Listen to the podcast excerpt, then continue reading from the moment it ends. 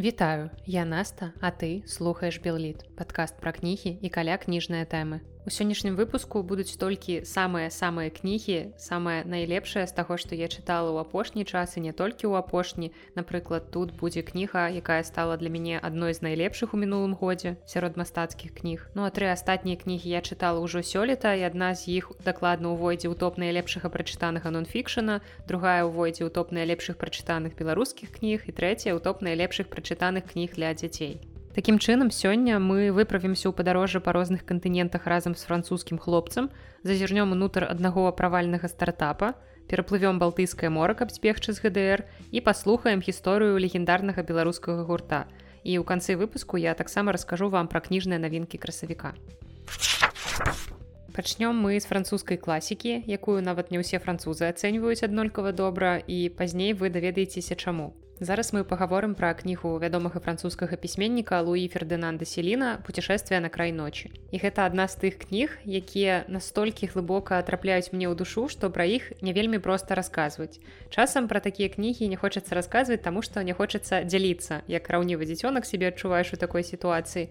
Але ўсё ж мне здаецца, што гэтая кніга вартая таго, каб пра яе даведалася як мага больш людзей, і ў той жа час я гэты раман мала каму магу свядома параіць. Гэта не тая кніга з шэрагу кнігі, якія мусіць прачытаць усе або кніга, якая ў прынцыпе зойдзе любому чалавеку. Не, гэта вельмі спецыфічны твор, таму паслухайце, што я пра яго раскажу і тады ўжо вырашайце, ці варта вам гэта чытаць. І калі я даведалася, што гэта аўтарскі дэбют яшчэ калі праходзіла ва ўніверсітэце гэтага аўтара, то я была ў шоку, таму што мне нават страшна чытаць селіна далей, калі ў яго вось менавіта такі дэбют ці то яго наступныя творы будуць яшчэ больш яркія я ўвогуле буду абсалютна захопленая гэтым аўтарам. Ці то наадварот у мяне наступіць такое расчараванне ад завышаных чаканняў. Таму селіна чытаць далей мне крышку страшнавата хаця вельмі хочацца. Таму што я адчуваю што гэта на 100соткаў мой аўтар з якім мне будзе комфортна таму хочацца вядома ж пазнаёміцца з усёй яго творчасцю на той мове на якой я магу І гэты раман для мяне стаў чарговым пацверджаннем таго, што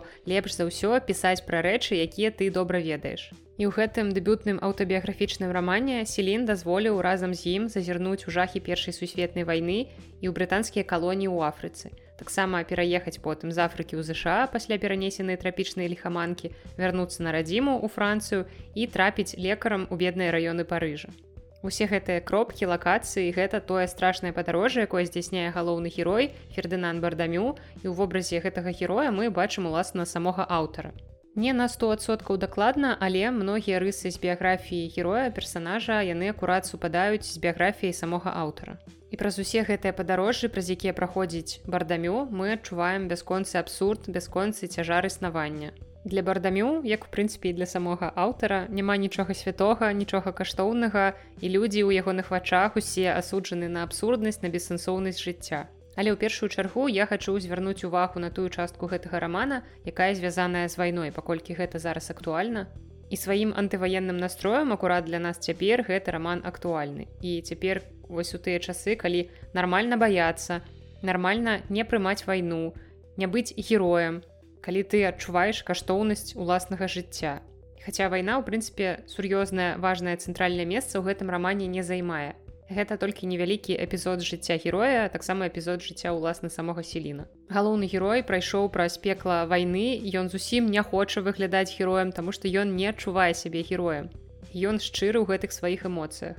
Нават нягледзячы на тое, што ён сам уласна запісаўся ў армію ў хвіліну такога абвастрэння гераізму былі нейкія патрыятычныя эмацыянальныя пачуцці ён запісаўся ў войска але зразумеў што не гэта не тая рэч якой ён хацеў бы прысвяціць сваё жыццё. І там на месцы прыйшло асэнсаванне глыбіннай сутнасці таго што там адбываецца. І таму бардамю ва ўласных страхах прызнацца не страшна нават калі пасля гэтага людзі будуць яго ўспрымаць баязліўцам. І акурат з гэтым звязаны адзін з самых запамінальных эпізодаў твора калі ён пра ўсе свае эмоцыі расказвае дзяўчыне і дзяўчына не прымае гэтага Таму што яна мысліць шаблонамі мысліць стандартамі, што вайна гэта гераізм. І зараз я вам зачытаю адзін эпізод, ён даволі вялікі, але вельмі моцны і вельмі паказальны.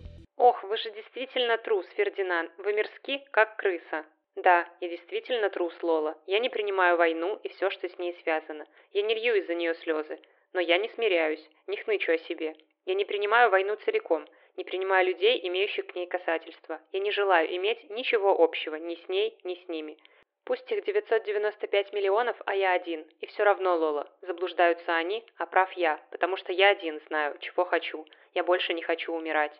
Но нельзя же отказаться от войны, Фердинанд. Только сумасшедшие трусы отказываются от войны, когда Отечество в опасности. Тогда да здравствуют сумасшедшие и трусы. Вернее, да выживут сумасшедшие и трусы. Помните вы, к примеру, как звали хоть одного солдата, убитого во время Столетней войны Лола? Хотелось ли вам когда-нибудь узнать хоть одно такое имя? Ведь нет, никогда не хотелось. Они для вас также безымянны, безразличны, чужды, как последний атом вот этого пресс-папье перед вами, как ваши утренние экскременты. Выходит, они умерли зазря, Лола. Совершенно зазря, кретины они эдакие. Уверяю вас, это уже доказано. Значение имеет одно – жизнь. Хотите пари, что через 10 тысяч лет эта война, которая представляется нам сейчас таким примечательным событием, будет начисто забыта? И разве что дюжина ученых будет там и сям спорить о датах самых крупных прославивших ее кровопролитий. Вот и все, что люди до сих пор считают нужным помнить о других спустя несколько веков, лет или даже часов. Не верю я в будущее, Лола. Войны бессэнсоўныя і ўцёкі ад яе бардамю гэта заклік да пацыфізму. Праз баязлівасць выражаецца ягоны абсалютна нармальны інстынкт самазахавання. І большая дурні акурат тыя, хто вайну апраўдвае і тым больш, хто яе падтрымлівае. Бардамю не разумее, чаму ён мусіць страляць у нейкага выпадковага немца, які яму уласна нічога дрэннага не зрабіў. І таксама бардамю не разумее, чаму за гэта суайчыннікі лічаць яго баязліўцам. Чаму ў іх грамадстве так прынята. І страшна думаць, што ў часы селіна нацыяналізм і патрыятызм былі вельмі добрым прыкрыццём для апраўдання адпраўкі мільёнаў хлопцаў на смерць дзеля мізэрных тэрытарыяльных заваёў. І страшна думаць пра тое, што нас абсалютна нічому не вучыць час і тое, што мы бачым цяпер, паўтараецца зноў і зноў. Патрыятызм увогуле вельмі часта выкарыстоўваецца некампетэнтным кіраўніцтвам у сваіх мэтах асабліва ў ваенных што вось акурат цяпер мы можемм назіраць. Калі жахлівыя рэчы апраўдваюцца вельмі высокімі гучнымі словамі заявамі слоганамі ну і акурат патрыятызмам.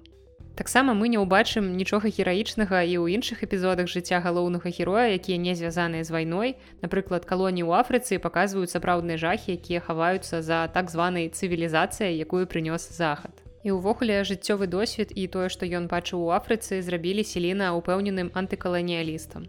Яшчэ далейшы досвед працы бардамю на заводзе Форда ў ЗША паказвае аўтара таксама яшчэ і антыкапіталістам. Ён бачыць жахлівыя умовы працы на канвееры, пакуты, дэгуманізацыю рабочых, ясна, што ўсё гэта не стварае прывабны вобраз. Мы разумеем, што насельніцтва краіны, насельніцтва ЗША будзе забяспечана ўсім у вялікай колькасці, нават занадта вялікай, але толькі праз пакуты прыніжэнні пэўнай групы людзей.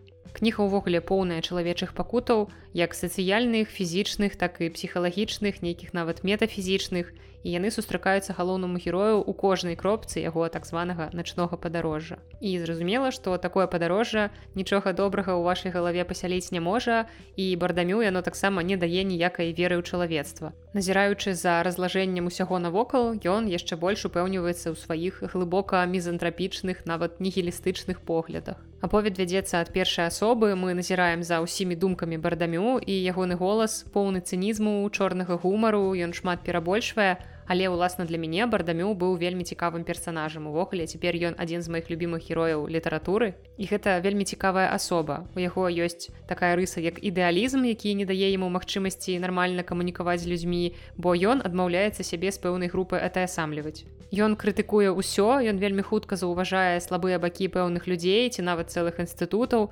І яму хацелася б каб людзі навокал былі такія шчырыя падобныя да яго але звычайна ну чалавечыя суполкі скажем крыху не так функцыянуюць. Таму бардамю даводзіцца расчароўвацца ў людзях расчароўвацца яшчэ ў сваіх марах у сваіх надзеях. І вельмі часта просто на жаль ён бачыць найгоршыя бакі чалавечай натуры. Замест таго каб заўважаць нешта добрае ён бачыць выключна дрэннае і на жаль гэтага дрэннага аказваецца больш. У гэтага твора вельмі каларытная мова і магчыма упершыню ў жыцці я шкадавала што я зусім не ведаю французскай мовы што я не маю магчымасці чытаць гэты раман у арыгінале. Французская мова ўвогуле мяне ніколі не цікавіла але няма такога як напрыклад з нямецкай што мне вельмі хочацца авалодаць гэтай мовай. Але чытаючы гэты твор я зразумела што я хачу просто для таго каб чытаць селіна ў арыгінале. Бо я адчувала што рускі пераклад на жаль не перадае ўсіх тонкасцяў кнігі. Падазраю што іншыя пераклады таксама наўрад ці перададуць бо я чытала што гэта вельмі складаны для перакладу твор і таму ну даволі складана яго адэкватна перанесці на нейкую іншую мову. Можа быць, я калі-небудзь паспрабую пачытаць які-небудзь іншыя пераклады, напрыклад, англійскі. Але ну маю сумневы, што гэта будзе таксама добра. Увогуле гэта адзін з самых дэпрэсіўных твораў, у якім зусім не варта спадзявацца на нешта пазітыўнае, на нейкі прыемны шчаслівы лёс для кагосьці з персанажаў. І тут цяпер я раскажу пра тое, што згадала ў пачатку, бо Луі Фердынан Селін быў вядомым мізантропам, расістам і антысемітам. Ён да канца жыцця адмаўляў халакост, Ён не каяўся і нават цяпер французскія ўлады, як у прынцыпе шмат гадоў таму, яны не хочуць, каб імя Селіна згадвалася ў пераліку выбітных творцаў іх краіны. І я асабіста вельмі шкадую, што такі вялікі літаратурны талент гэта зусім не асведчанне добрых чалавечых якасцяў. Дома у меня было холодно, и я чувствовал себя так, словно в одном из углов большой ночи специально для меня выкроили маленькую ночь. У наступнай кнізе, як я і абяцала, мы зазірнём унутр аднаго вядомага стартапа, які насамрэч аказаўся пшыкам. Ці чулі вы пра Элізабет Холмс і пра яе кампанію Тэранас. Да мяне яе гісторыя дайшла толькі тады, калі ўжо высветлілася, што гэта суцэльны падман, я не сачыла за ўсім працэсам, за ўсім развіццём гэтай гісторыі і таму чытаючы кнігу я ну ніяк абсалютна не магла поверыць у тое што такое увогуле рэальна ў наш час. Што можна падмануць такім чынам просто велізарную колькасць людзей не дурных людзей людзей якія валодаюць вялізнымі сродкамі якія ну нейкім чынам жа зарабілі гэтыя грошы відаць галава ў іх як бы на месцы Таму для мяне гэта было просто поўным шокам падмануць інвестараў падмануць уласных супрацоўнікаў якія вось працуюць у тваёй жа кампаніі якая нічога сябе не ўяўляе падмануць таксама спажыўцоў нейкіх людзей якія чакалі твой прадукт. І Элізабет Холмс у тыя часы называлі геніем новага пакалення яе тэхналогіі было нібыта наканавана змяніць медыцыну і нават так гучна змяніць цэлы свет Праўда, праблема ў тым, што не было ніякай тэхналогіі, была толькі жанчына-сацыяпат з вялікімі амбіцыямі і маніяй велічы. Аўтар гэтай кнігі, якая называецца дурная кровь тайны і лож аднаго стартапа кремневай даліны. Джон Карэйру. Ён быў рэпарцёрам Wall Street Journal і менавіта ён выкрыў кампанію Элізабет Холмс. Яна была першая жанчына тэхналагічны мільярдэр, якая абяцала рэвалюцыю ў сферы здачы аналізу. Вось уявіце сабе, што вам больш не трэба чакаць, пакуль з пальца выціснуць цэлы там з бан крыві, як это звычайна адбываецца цэлая прабірка. Уявіце, што цяпер мусіць хапаць толькі адной кроплі крыві. Ты робіш аналіз адразу на месцы пры дапамозе апарата такога невялічкага памерам за смартфон. І Элізабет акурат абяцала даць поўную інфармацыю пра здароўе чалавека вось такім адным невялічкім аналізам. Праблема заключалася толькі ў тым, што адной кроплі крыві з пальца неяк крышачку малавата для паўнавартаснага аналізу, Таму што для многіх мэт лепш браць кроў з вены, яна менш забруджаная яна адрозніваецца ад той крыві што вы можете ўзяць з пальца. І гэта ўсё разумелі спецыялісты якія адразу вельмі скептычна паставіліся да задумы Элізабет бо у адрозненне ад яе яны ўсё ж разбіраліся ў навуцы. Але многія ўплывовыя людзі якія не мелі ніякага дачынення да медыцыны ў плане сваёй нейкай прафесійнай адукацыі яны купіліся на прывабныя прапановы.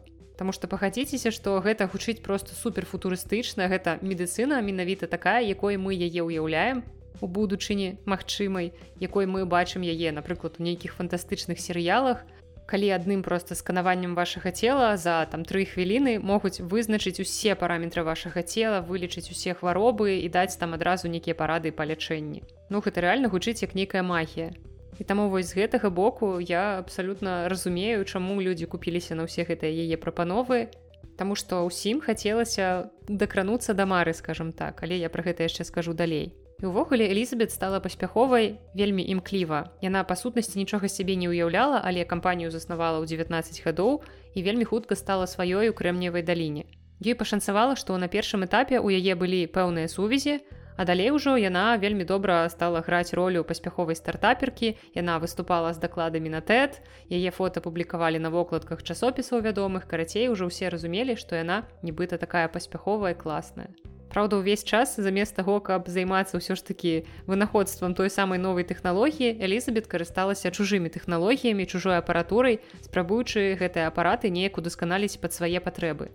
Яна так і не стварыла абяцанай уласнай прылады, паколькі гэта было немагчыма. Прынамсі, цяпер вось на дадзеным этапе развіцця нашых тэхналогій гэта не ўяўлялася магчымым. Затое яна вельмі актыўна падрабляла вынікі тэстаў і даследаванняў, каб уразіць сваіх інвестараў. Вельмі заўважна, як Элізабет Холмс хацела быць падобнай да Стыва Джобса. Яна апраналася ў такім жа стылі, яна паўтарала нейкія рысы яго паводзінаў і нават яна назвала свой прататып вось гэты апарат, які нібыта яна мусіла вынайсці. Яна назвала яго iPod of Health. Розніца была толькі ў тым, што гучныя і непраўдзівыя заявы Джобса, калі б ён іх рабіў, яны б на прэзентацыях тэлефонаў наўрад ці б нанеслі камусьці непапраўную шкоду, Таму што ну ну схлусіў ён там пра нейкую тэхналогію ў тэлефоне, ніхто ад гэтага як бы не памрэ. А вось Элізабет акурат гулялася са здароўем людзей і людзі проста ёй верылі. Холмс давала сваім інвестарам пэўныя тэрміны, калі нібыта яе тэхналогія будзе запушчана ў масавую вытворчасць, толькі пастаянна гэтыя тэрміны пераносіла.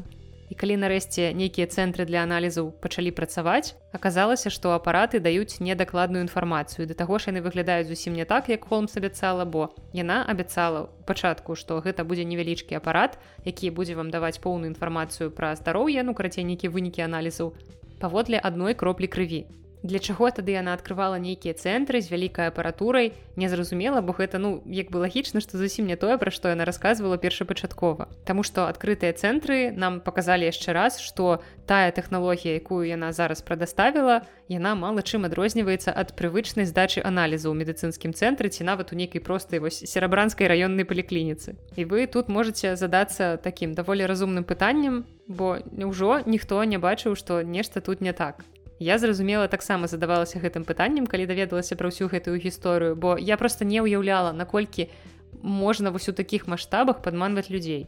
І праўда, сярод супрацоўнікаў яе кампаніі былі тыя людзі, якія разумелі, што яны займаюцца акурат сацыяльным падманам.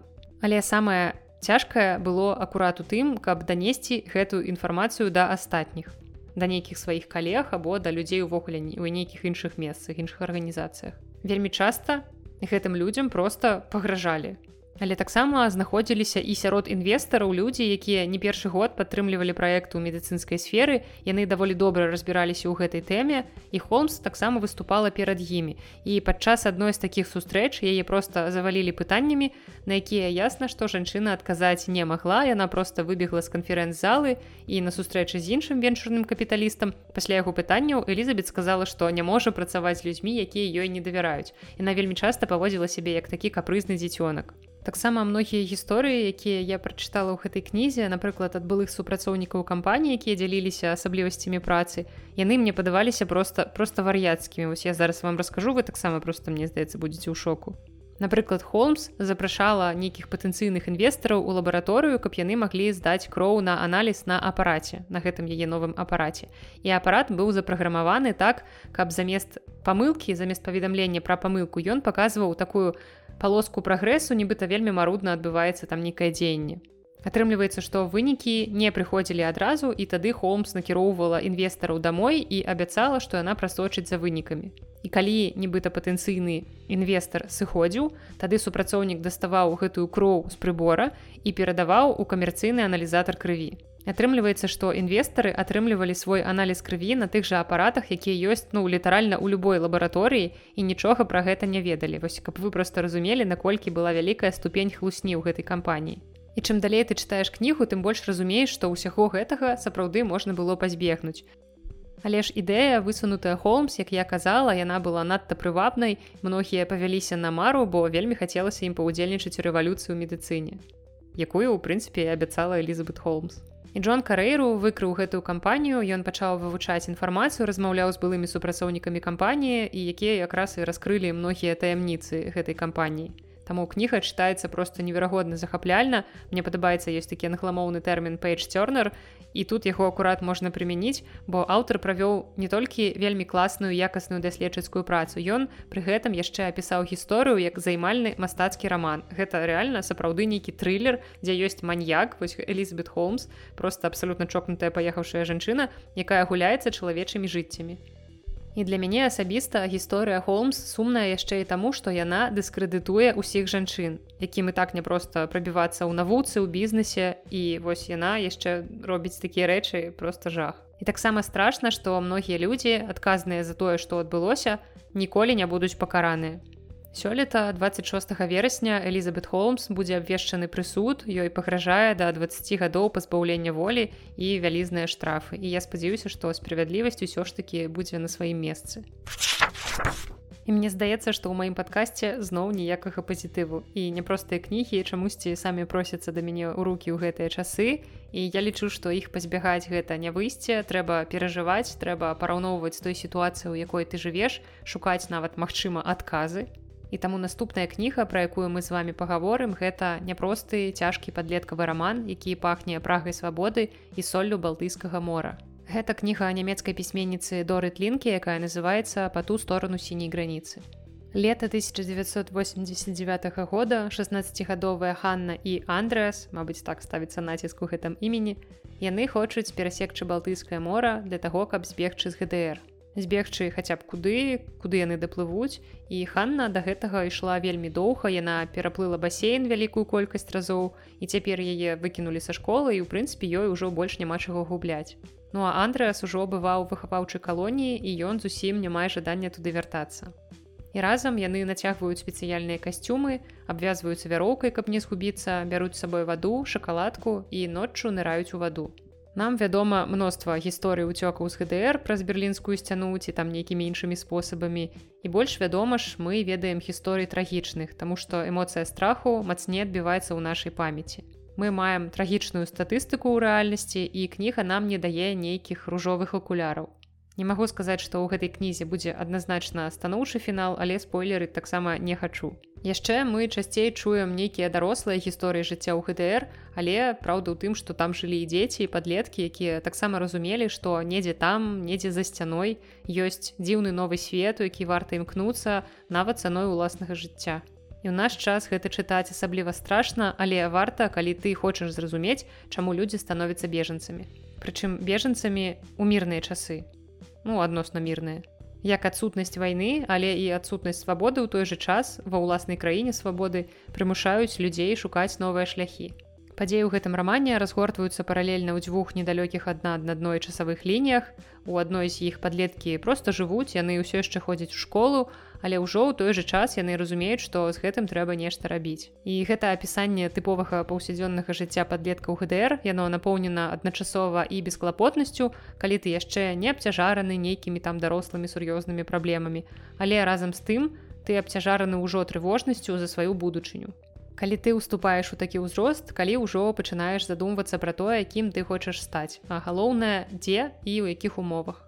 У другой частцы Ханна і Андрэас уласна і здзяйсняюць сваю спробу ўцёкаў па балтыйскім моры і здавалася б, што яны проста плывуць у гэтай частцы нічога асаблівага не адбываецца, але гэта вельмі дынамічная, вельмі насычаная частка, якая прымушае ўсё цела напружвацца. Ты уяўляеш, нібыта ты побач з імі ў гэтай холоднай вадзе без аніякай надзеі на выратаванне. Яшчэ цікава, што ў гэтым творы вельмі шмат тэматычных анекдотаў пра палітыку і мне, я як бы ў 93 годзе нарадзілася, часам нават было даволі смешна чытаць гэтыя жарты, я некаторыя нават разумела. Берлінскую сцяну упершыню я ўбачыла толькі восенню 2019 года і тое, што ад яе засталося дакладней. І нават я купіла сабе ў якасці сувеніра паштоўку з кавалачкам сцяны. Я не ўпэўненая, што гэты кавалачак сапраўдны, хутчэй гэта такі маркетынгавы ход, але вельмі прыемны, вельмі сімвалічны. І няхай гэта падлеткавая кніга, але я б таксама параіла яе прачытаць і дарослым, таму што гэта тая гісторыя, якая вельмі блізкая ад нас. Таму яшчэ свежыя ўспаміны ад гэтай гісторыі, на якіх мы ўласна можам вучыцца. Толькі шкада, што тыя, каму сапраўды трэба павучыцца на чужых памылках, наўрад ці чытаюць добрыя кнігі.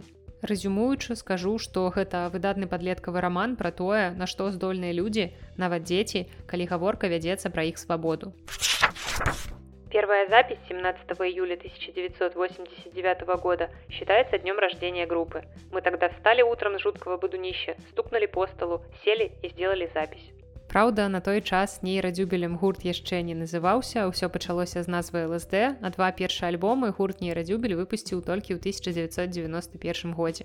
І як вы зразумелі, зараз мы пагаворым пра кнігу Алексея Кавалёва і Паўла Валатовича агромная тень даждзівого чарвя, пачці правдзівая гісторыя групы нейрадзюбель.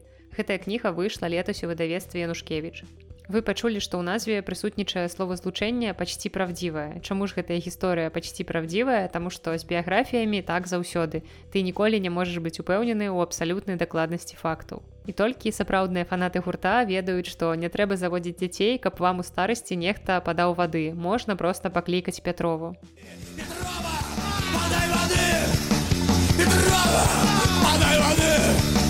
Петрова, подай воды! Петрова!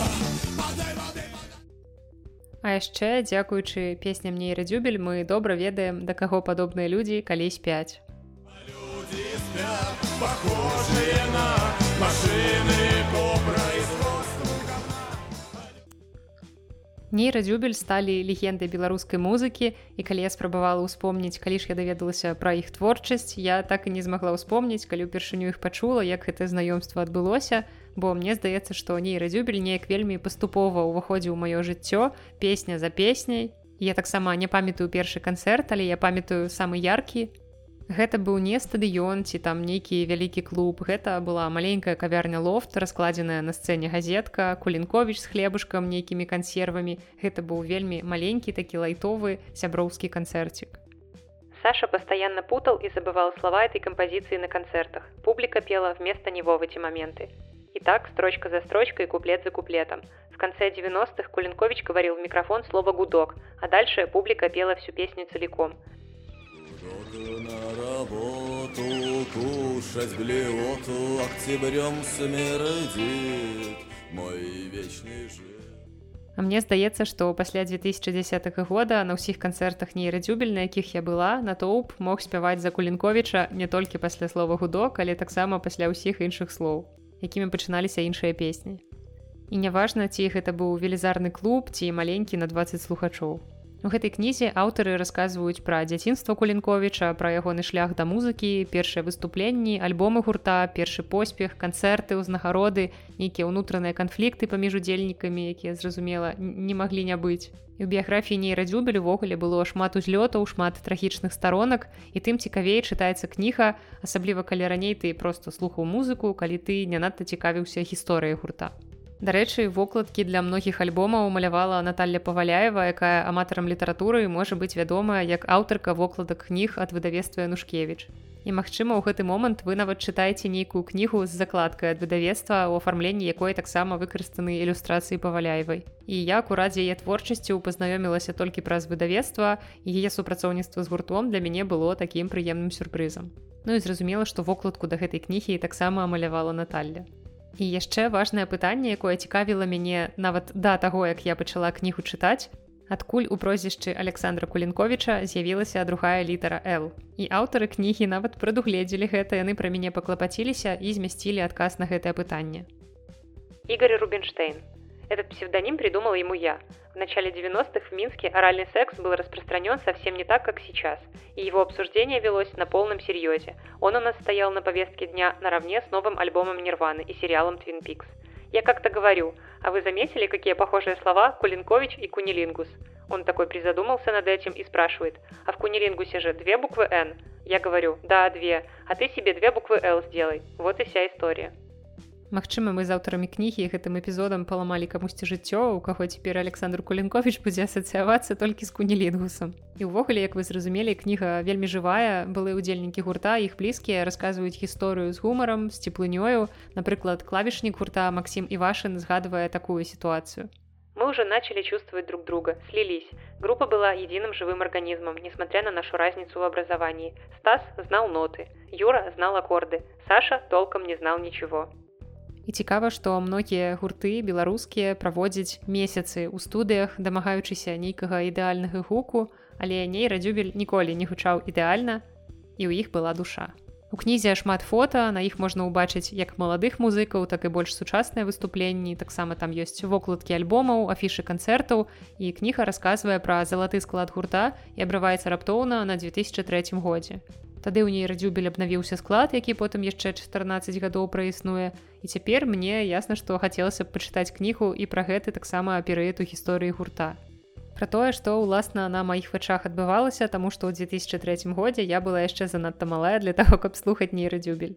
Кніга атрымалася адначасова і сумнай і светлай. Сумнай таму што гурта ўжо няма сашы юры з намі таксама ўжо няма але пры гэтым светлай таму што гурт падарыў слухачам усё ж такі процьму яркіх момантаў зрабіў вялікі ўнёсак у беларускую музыку і песні нейрадзюбель нікуды не знікнуць і музыка нейрадзюбель застанецца з намі.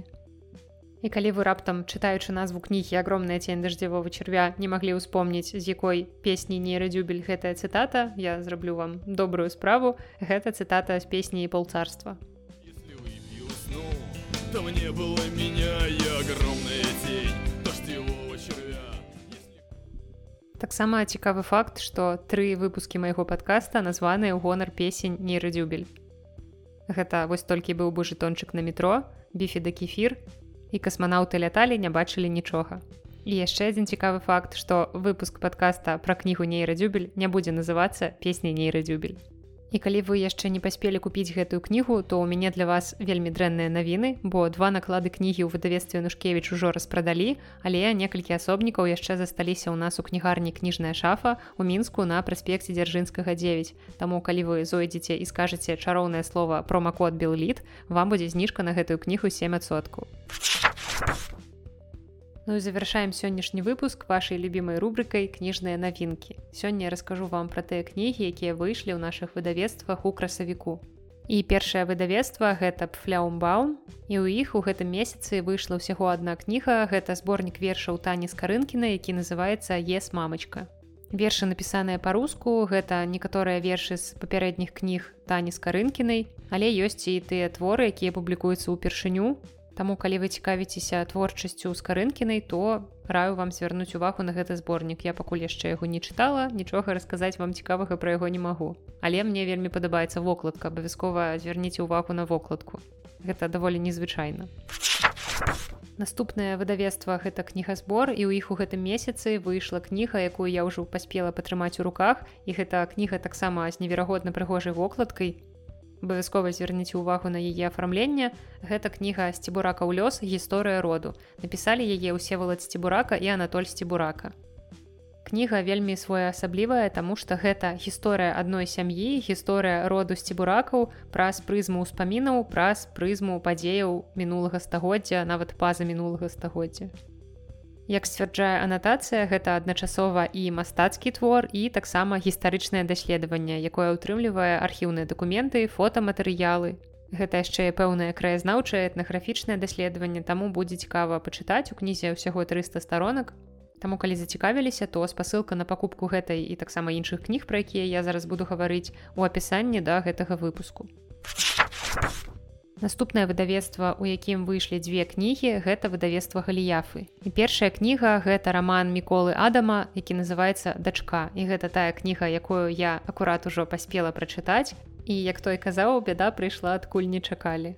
Бо паралельна з гэтай кнігай я чытала кнігу чарговага лаўрэата нацыянальнай літаратурнай прэміі, якую ён атрымаў у 2019 годзе і думала, што магчыма, асобны выпуск падкаста, такога падкаста як вы любіце дзе я дрэнна расказваю пра кнігу я буду рабіць акурат пра гэтага лаўрэата. Але лёс склаўся так што хрусці папалам і такі выпуск падкаста на жаль я буду записываць пра адну з кніг выдавецтва галіяфы пра кнігу дачка.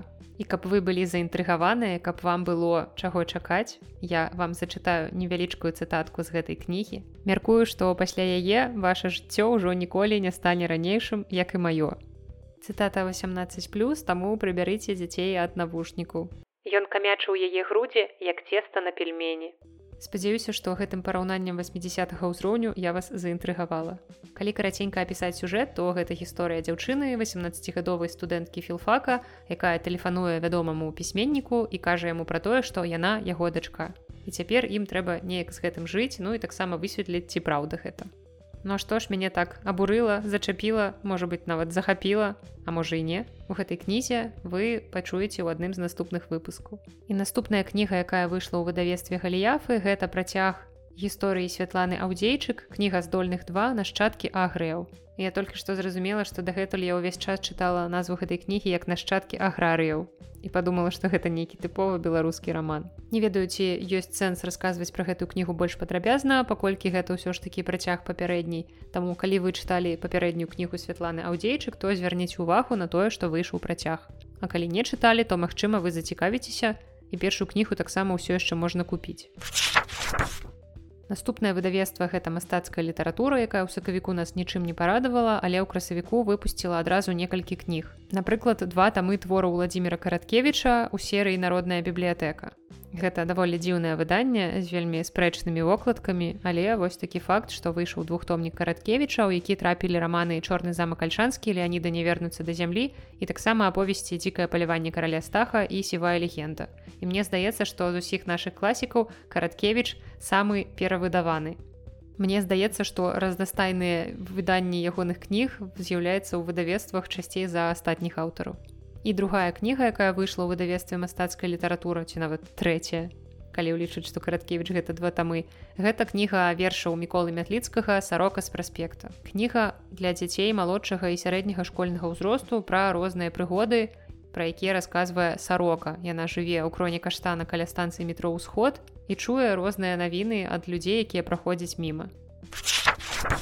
Наступнае вельмі цікавае выданне ад выдаўца рамана цымперова кніга якую вы можете знайсці у нас таксама ў кнігарні кніжная шафа гэта кніга Сергея лескіця якая называется шэпт гэта падарожжа ў свет беларускай вясковай магіі як сцвярджае анатацыя. Аўтар ад вёскі да вёскі вандраваў па розных чараўніцах знахарках траўніцах і запісваў такія споведзі можна сказаць гэтых жанчын Прычым усё запісана так акурат, як казалі гэтыя жанчыны на гаворках, якімі яны карыстаюцца ў паўсядзённым жыцці.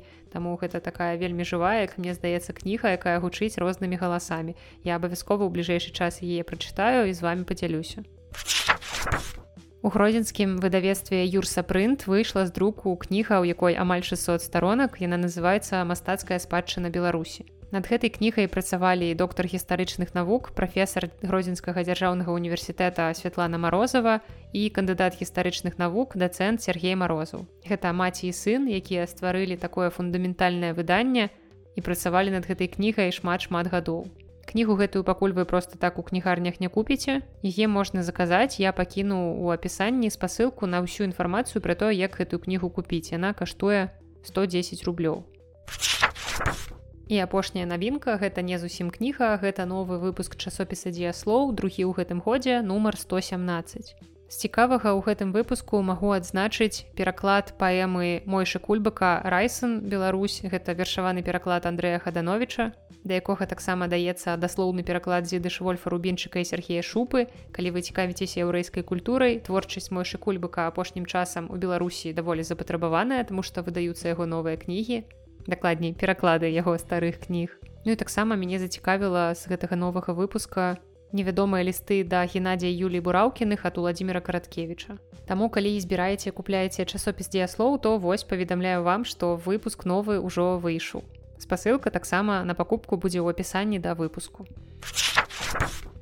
Хацелася б мне вам записываць больш пазітыўныя выпускі чытаць нейкія больш пазітыўныя кнігі але нешта пакуль не чытаецца. Таму буду расказваць пра тое што чытаецца.